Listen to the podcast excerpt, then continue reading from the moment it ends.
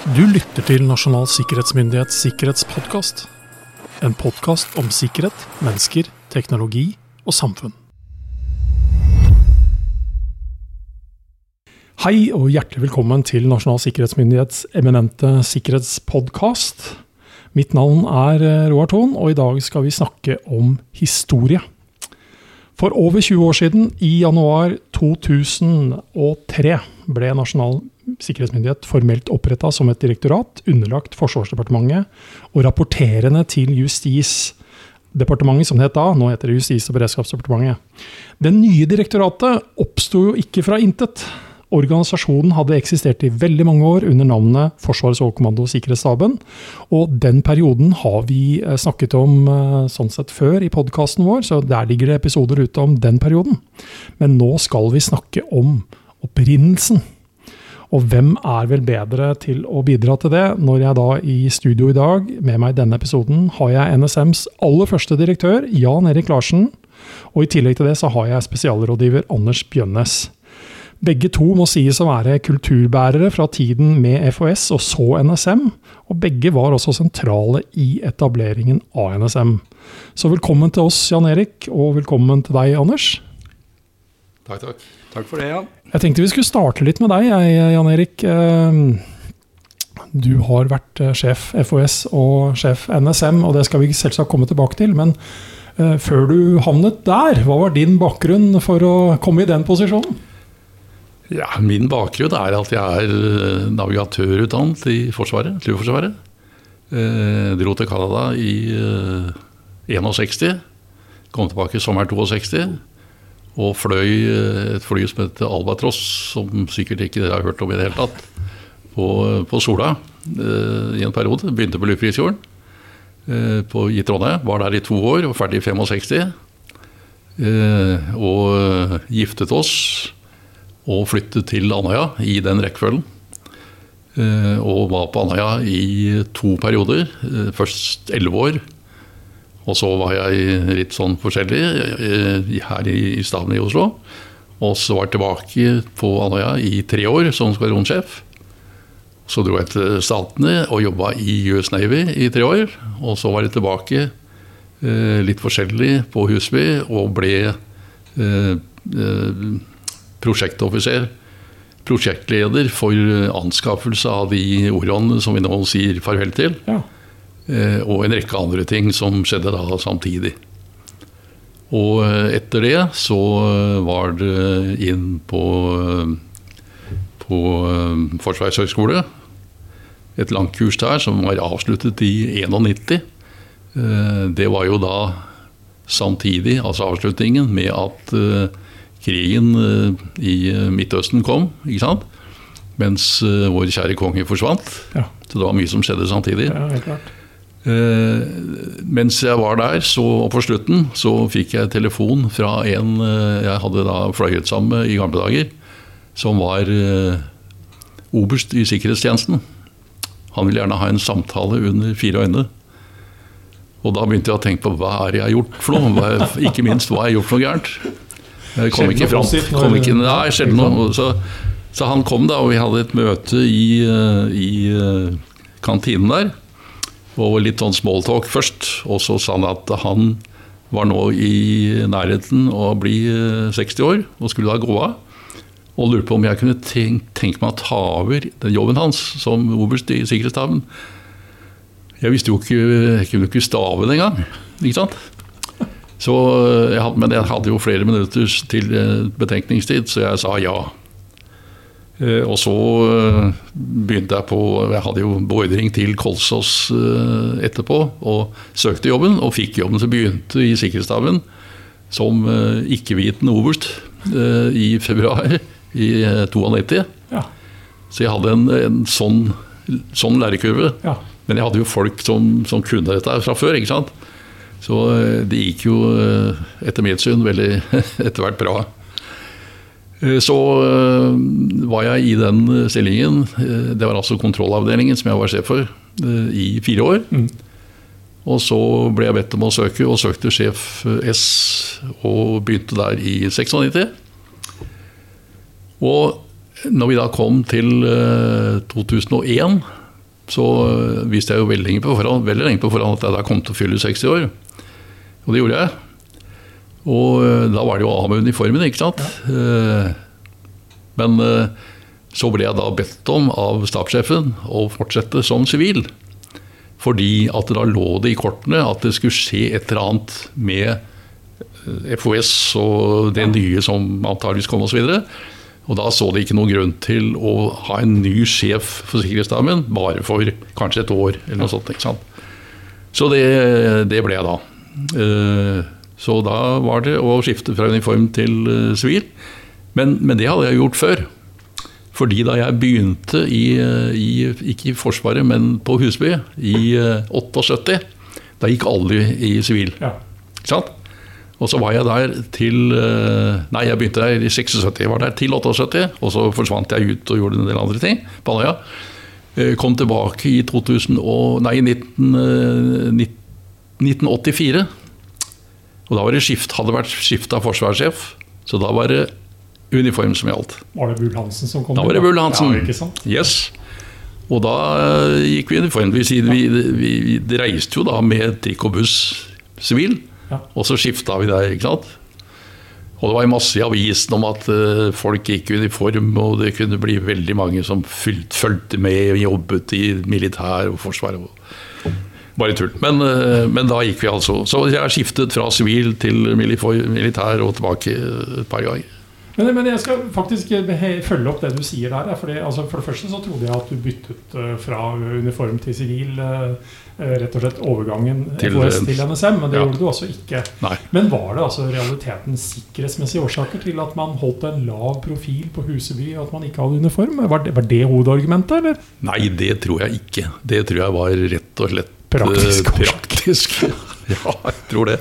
Du vet at uh, veldig mange, både der og andre steder i Forsvaret, uh, bodde langt ifra der de jobbet. Ja.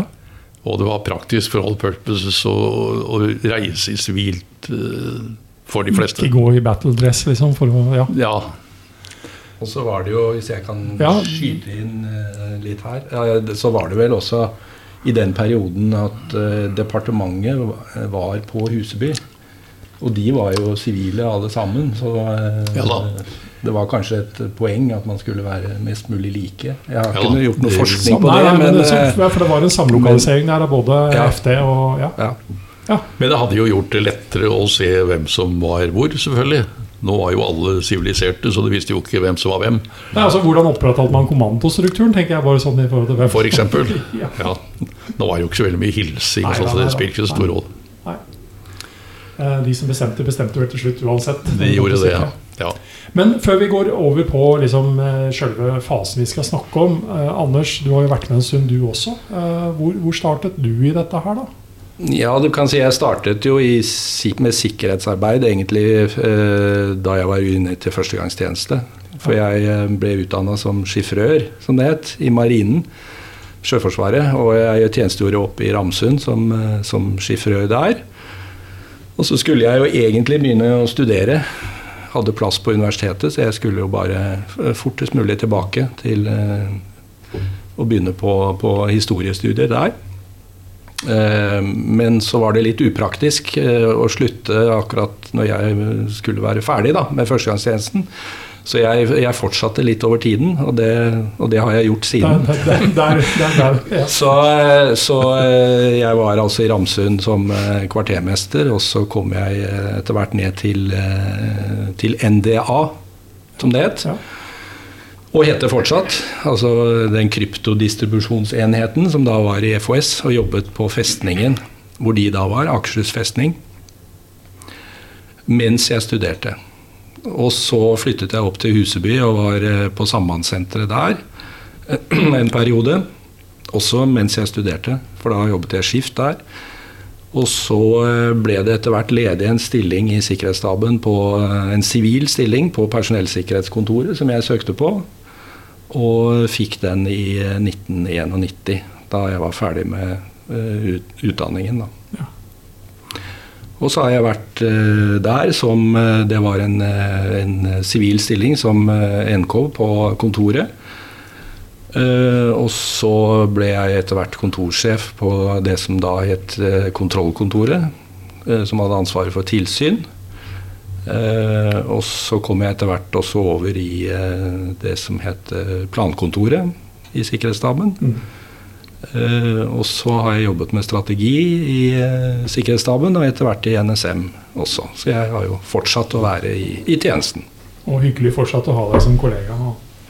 Anders. Eh, Jeg skal, vi skal komme tilbake til det der med kontrollkontoret. fordi det, det, der er det litt rann, Så i hvert fall i, i mitt hode, som kanskje har litt rann med nettopp eh, endringen som, som, som skjer. Men hvis vi da går inn, og du sier jo Jan Erik at du får noen signaler eh, som sjef FHS at her kommer det til å bli en endring. Eh, hva var liksom, og egentlig spørsmål til dere begge to, hva var, hva var hovedårsaken til at man så behovet for å, for å nettopp gjøre det her? Ja, jeg, eh, jeg tror man må gå helt tilbake til, eh, til 94, ja, til eh, Skaug-utvalget. Som, som jo egentlig skulle se på kontroll med de, de hemmelige tjenester. Men som da sa at det er behov for en, en lovopphenging for de to som som var altså E-tjenesten og, og S-tjenesten. Mm. Eh, og så kom jo da selvfølgelig eh, Lund-kommisjonen, som sa blant mye annet eh, noe av det samme. Eh, og så satte man jo da i gang i eh, departementet for å, eh, å lage en lov. Eh, det ble jo ikke noe særlig den gangen når det gjaldt lov, for det hastet jo egentlig ikke. Men, én ting de sa som var litt interessant, var at eh, det burde være et eh, Altså NSM-funksjonen burde være et, eh, et frittstående organ. Og det skulle hete Direktoratet for forebyggende Nei, det skulle hete NSM. Samme den gangen. Ja.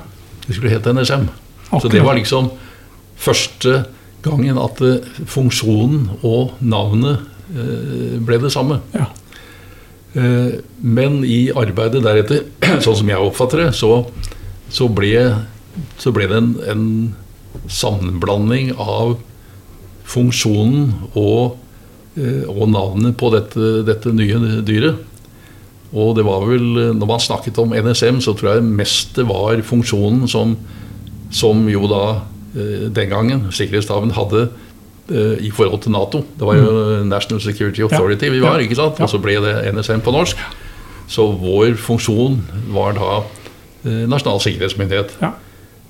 Så det var vel først da eh, en eller annen gang ute i 91-92 at eh, vårt departement skar igjennom og sa at nå skal dette bli et, eh, et organ eh, under Forsvarsdepartementet, og det skal hete NSM.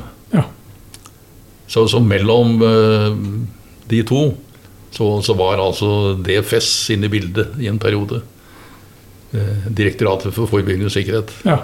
Og da vi hadde arbeidsgrupper og whatnot eh, på, på Husby og etter hvert på Kolsås, så var det jo veien til DFS. Ikke sant? For å være sikker. Ja. Eller veien til direktorat. ja. Ja. Eh, og oppi det hele bare en liten anekdote fra meg. fordi Noen år etter at jeg kom, fordi jeg kom inn uh, ca. åtte måneder etter at eh, NSM var oppretta som yrkesoffiser. Og så gikk det vel et par Det var kanskje ikke så lang tid heller, for jeg husker jeg var involvert i at vi skulle bytte logo. For vår altså våpenskjold var jo da et militært våpenskjold som sådan, og så skulle vi da endre noe. Og det som slo meg den gangen når vi diskuterte liksom litt sånn symbolikk og den type ting, det var jo at eh, det var jo, Man var jo ute etter å få et litt sånn Kall det litt sånn forenkla autoritært uttrykk også, at dette var en, det var en myndighet. Men det jeg syns var så kult med det, var jo at navnet vårt i seg sjøl, Nasjonal sikkerhetsmyndighet Du, du skal jo leite lenge etter noe mer beskrivende sånn sett i forhold til at dette er nasjonalt, og det er en sikkerhetsmyndighet. Så når du nevner da Direktoratet for forebyggende sikkerhet, er jo det betydelig mer sånn bomullsaktig eh, i forhold til myndighet og utøvelse. Ja, det er jo det. Og du vet eh, DFS Sånn rent på spøk så var det jo mange som sammenholdt det mot uh, denne, disse båtene som går, går på uttale. Ja. som har en helt annen uh, beskrivelse av forkortelsen. Ja, ja. Det, det, var det ene. Men jeg vil også si at uh, det å bruke NSM-navnet mm. i Forsvaret Så skjønte jo ikke Altså NSM i Forsvaret var nytt sjømålsmissil. Ja, ja. ikke sant? Og som i dag selvfølgelig har blitt For det er ikke nytt lenger, så nå heter det altså Naval Strike Missile. Men nytt sjømålsmissil. Og som jeg tenkte og sa, så er jo begge delene i og for seg har noe felles. De er målsøkende. eh, på sin side. Mens vi var jo da på vei inn i og kom inn i departementet. Og da var det jo altså helt annen måte med målstyring, ikke sant? Mm. Eh, med, ja. som, som, du i og for seg var inne på i stad. Litt mer struktur som sådan? Eh, vel Eller ja, klarere krav, kanskje. da men, ja. nei, men det er interessant at du sier det, fordi jeg hadde en opplevelse da som yrkesoffiser og kommer da til Nasjonal sikkerhetsmyndighet og treffer sånn ja, Halvannet år etterpå så treffer jeg kolleger fra Forsvaret som lurte på hva, hva, hva skulle en MP-offiser fra Hæren drive da med ja. sjømålsmissilet. Det greide vi ikke helt. Nei, ikke for de visste heller ikke om NSM nei, nei, som sånn. Det var, det var NSM det på den tiden. Du vet, i dette, i dette, bildet her, så i og med at vi kom fra, fra den gamle sikkerhetsstaben, som jo hadde egentlig to hovedoppgaver, nemlig å, å, være en nasjonal myndighet for å følge opp sikkerhetsarbeidet i samfunnet i bredt. Mm. På den ene siden, og på den andre siden også hadde fingrene dypt ned i paien i, i Forsvaret. Eh, så ble jo dette vanskelig. men, men jeg husker jo at vi måtte, jo, vi måtte understreke veldig sterkt veldig lenge at NSM var også NSM i militær sektor. Mm. Man trodde liksom at uh, dette NSM-organet det skulle liksom bare drive med arbeid civil, på sivil side. Ja. Uh, og det var jo feil, selvfølgelig. Og det henger jo sammen med at uh, vi er jo et totalforsvar. Og det militære forsvar er jo helt avhengig av civile, den sivile siden at den er sikkerhetsmessig mm. god nok. Eh, og samtidig så går det også andre veien. ikke sant? Eh, Forsvaret bidrar jo inn i det sivile samfunn. Så ideen med et. NSM felles i samfunnet var jo en, en, veldig god tanke, og er en god tanke, tenker jeg. For jeg må vel si at jeg også husker litt sånn, litt sånn følelsen av litt sånn revirkamp, nettopp som du sier her, hvem skal gjøre hva. Eh, den, den, er vel sånn sett lagt klarere død i dag. For hvis vi igjen skal beskrive situasjonen vi befinner oss i nå, når vi spiller inn dette her nå, så er vi på det som da blir NSMs nye hovedlokaler. Vi befinner oss på Fornebu, i lokalene til NSMs kurssenter.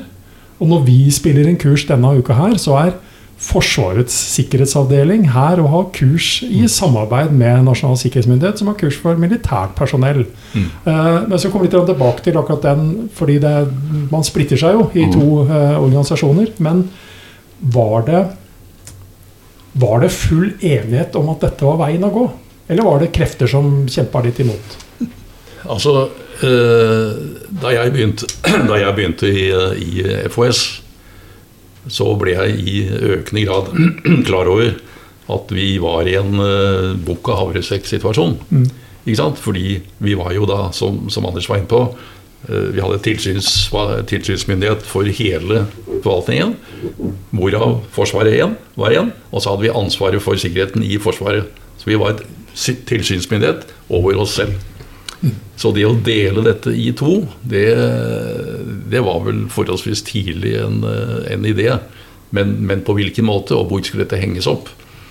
Og, og det var jo mange, mange som Ikke mange, da, men flere enn departementet som ville ha oss. Altså POT, f.eks., ja. ville jo gjerne ha, som vi kanskje kommer tilbake til, gjerne ha eh, deler av personsikkerhetstjenesten, f.eks. Så, så det var ikke gitt. Men, men det at, at, selve oppgavefordelingen var litt feil, den, den, tror jeg var veldig klar for alle, alle de som tenkte over det. Nevner, Ganske tidlig. Ja, når du nevner overvåkningstjenesten og personellsikkerhetsdelen, så, så var du vel egentlig allerede inne på begrepet der bukken og havresekken, det. For det hadde også skapt nye utfordringer igjen. så ja. Det hadde det selvfølgelig. Ja. Eh, det var det ene. Og det andre er at eh, hvis man tar eh, personsikkerhet, eller personkontroll, som var det de egentlig ville ha, ut. Så for det første er jo personkontroll en, en integrert del av selve personsikkerhetsdelen. Mm. Og den er jo en veldig viktig del av helheten. Ja. Du kan ikke dra det ut av helheten, som er fysisk og digital og alt det andre. Så, så der hang jeg ikke på, på greip. Men eh, de visste jo ikke hva de gjorde, da. Det skal de ha. Men, eh, og der, på, da er vi på slutten av 90-tallet, hvor det egentlig var ganske komplisert. Fordi det var jo, det var jo dette Danielsen-utvalget Ja. som, eh, som skulle ta frem et eh, legalgrunnlag, eller et forbedret legalgrunnlag for For- Ja. Som hadde dette som, et, eh, som en, en sak, Mm. at de ønsket å ta ut personellsikkerhetsdelen. Men samtidig så hadde vi et forsvarspolitisk utvalg som skulle vurdere hele Forsvaret da, og innretningen på det. Og så etter hvert kom jo Sårbarhetsutvalget også. Mm. Så hadde vi jo disse interne utredningene mellom FD og FOS om NSM-funksjonen. Så det var litt sånn som i dag. Vi har altså fire, fi, litt sånn fire pågående arbeider, fire store rapporter, Ja. som da man skulle politisk ta stilling til. Og dette gikk jo, i, i, som du er inne på, Jan Erik, i veldig forskjellig retning. Ja, det gjorde det. Ikke bare det, så kom jo AD inn i bildet en periode. Nettopp. Så, så det som var eh, kanskje eh, starten på, på noe vi ga ut, eh, Anders, fra, fra direkte rot til direktorat, det, det har en viss Det er riktig å si det. ja, det er Ja, det gikk veldig fram og tilbake. Og jeg var jo i Sårbarhetsutvalget under Willoch. Og eh, vi så jo at eh, Eller vi så å si Vi så at eh, det å skille eh, det som ble NSM ut ifra der det var, det, det var riktig. Hans, altså Willochs hjertebarn, det var å lage et eget sikkerhetsdepartement. Ja. Det var liksom to muligheter sett med hans øyne, og han overbeviste oss, det må jeg jo si. Eh, Det ene var eh, SMK, men alle, alle vet jo at SMK tar ikke Altså, det er ikke et departement. Nei. Så et eget, eh, et eget departement, og det var jo en, en lang rekke, sånn som så, som kunne rapportere til det departementet. Mm. Eh, og det, det litt morsomme var jo at det ble jo et, eh, et eh, departement. Det ble jo et sikkerhets- og beredskapsdepartement. Det levde vel i flere minutter, gjorde det ikke det? Men eh, det har eksistert. Korteste levetida for et departement ever, kanskje. Ja. Men når, når du nevner det med departementer, da. Vi er jo i dag som NSM underlagt Justis- og beredskapsdepartementet. Men tilbake da sånn forhistorikken mot 2003. Var det logisk at vi da fortsatte under FD? Var, var det noen gang diskusjoner? Altså Nå nevner du at du trekker fram et helt nytt departement, men var det Mm. andre diskusjoner? Kunne vi ha, ha havna andre steder, for å si det sånn? ja, altså diskusjoner Det var vel ikke så mye diskusjoner hos oss. Diskusjoner var vel andre steder. Eh, Og igjen så var det nok justissiden som gjerne ville ha oss over. Eh, Ja, jeg vet ikke, du har sikkert mer å, å si i denne retning. Altså, hvis vi, hvis vi, hvis vi ser på det, det som kom ut av Forsvarspolitisk utvalg, da, som var det første utvalget som, eh, som eh, altså, Det resulterte jo da i et, en langtidsplan for, for forsvarssektoren. Eh, Så var jo nettopp tanken det at vi skulle etablere som dette direktoratet for forebyggende sikkerhet. Det var jo der eh, det forslaget liksom ble skrevet inn. Um, og vi skulle ligge under Forsvarsdepartementet. Men uh, Stortinget valgte å ikke ta stilling til akkurat det. Fordi de visste at rundt neste sving så ville de få Sårbarhetsutvalget på bordet. Uh, og de ønsket å se dette under ett. Ja. Så da ble det forslaget rett og slett bare trukket, tror jeg, om direktoratet. Og så ble vi isteden en såkalt sentral driftsenhet i Forsvaret. Det betyr vel egentlig at vi fikk våre egne penger. Altså vi fikk et eget budsjettkapittel. Ja, Eh, jeg vil heller si, jeg vil heller si det på den måten. Men, og en litt friere stilling, da. ja da. Og, det var jo på en måte da en del av veien ut av den militære eh, siden. Ja. ikke sant? Eh, På en annen side, på, på den siden, så, så var jo hoveddelen av det du kan kalle sikkerhet i, i AS Norge, var på militær side. Mm. Ikke sant? Så, så det å fortsette som en del av den militære sfære, altså under FT, eh, ble vel ansett som mer naturlig enn å flytte det over i Ja. justis, også av den grunn. Men, Men- så Unnskyld. Men, men, som, men som, eh, som sjef FOS da, så, så går du da fra å forholde deg til forsvarssjefen som din sjef, Mm. til at det blir Forsvarsdepartementet som sjef for NSM. Selv om du allikevel er en del av Forsvaret som sådan. ikke sant? Jo. Ja. Og, Anders? og det skal vel sies også, bare som en parentes i den forbindelse, at eh, vi hadde jo en veldig tett dialog med den politiske ledelsen i departementet. Og det hadde vi jo alltid hatt. Eh, I hvert fall under Jørgen Kosmos tid var det vel eh, slik. Veldig, og- veldig nært og veldig eh, må jeg si, hyggelig. Ja. og både med den eh, sikkerhetspolitiske siden og med det som etter hvert ble den siden som, som da styrte oss eh, som NSM. Mm. Så, så vårt samarbeid med departementet har vært veldig bra. Men tilbake til det du spurte om eh, hvordan justis kom inn i bildet. Eh, for det var vel, slik jeg leser dokumentene, en direkte konsekvens av at man la dette forslaget om sikkerhetsdepartement på hylla, rent politisk. Eh, og da ble det jo eh, en, en konflikt, sånn som jeg leser det, mellom FD og justis om styringen av NSM. Mm. Og da måtte man til sist finne fram til et kompromiss. Ja. Og det ble at eh, FD skulle ha den administrative styringen, mens justis skulle da trekkes inn eh, i styringen på sivil side. Eh, pengene skulle komme over Ja. forsvarsbudsjettet, men som sagt, justis skulle trekkes inn på sivil side. Jeg har jo brukt bildet når jeg har vært ute for en del år tilbake. For da kunne jeg bruke det på den måten for å beskrive nettopp den konstellasjonen der. At vi var, vi var et barn av et uh, litt sånn moderne ekteskap. Hvor, uh, hvor mor var FD, som ga oss både husly og penger og mat og som sådan. Og så hadde vi en litt mer sånn fraværende far innimellom, som hadde mye meninger om oppdragelsen vår og hva vi skulle gjøre i livet. Jeg, jeg brukte akkurat eh, den analogien da, jeg, eh, da vi takket av Sefland som sjef uh, POT, eller var vel eh, PST da. Nettopp at vi hadde eh, forskjellig, forskjellig far og mor. Og, men eh, vi fikk, altså, vi fikk penger av, av mor, ikke noe fra far. Så, så ja, det, det er riktig, det.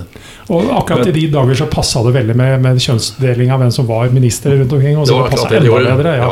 Ja. Ja. Men jeg sa vi hadde hyggelige, hyggelige møter osv. Med, med FD. Eh, Jeg tenker på en, en liten episode da vi Jeg tror det var første møte vi hadde med eh, de som skulle styre oss. Og vi var ferdige med møtet, som helt ikke gikk bra. Og så, og så, så sa jeg og, og tusen takk for, for kaffe og wienerbrød. Og det hadde jo ikke fått. Så i møtene deretter så var det alltid serveringer. Det er greit å komme med noen hint innimellom. Men nå har vi altså snakket eh, såpass eh, lenge her at jeg tror vi rett og slett eh, tar en kaffepause. Og så kommer vi tilbake igjen i eh, ny episode neste uke om det samme temaet. Så takk Jan Erik, takk eh, Anders for eh, bidraget så langt.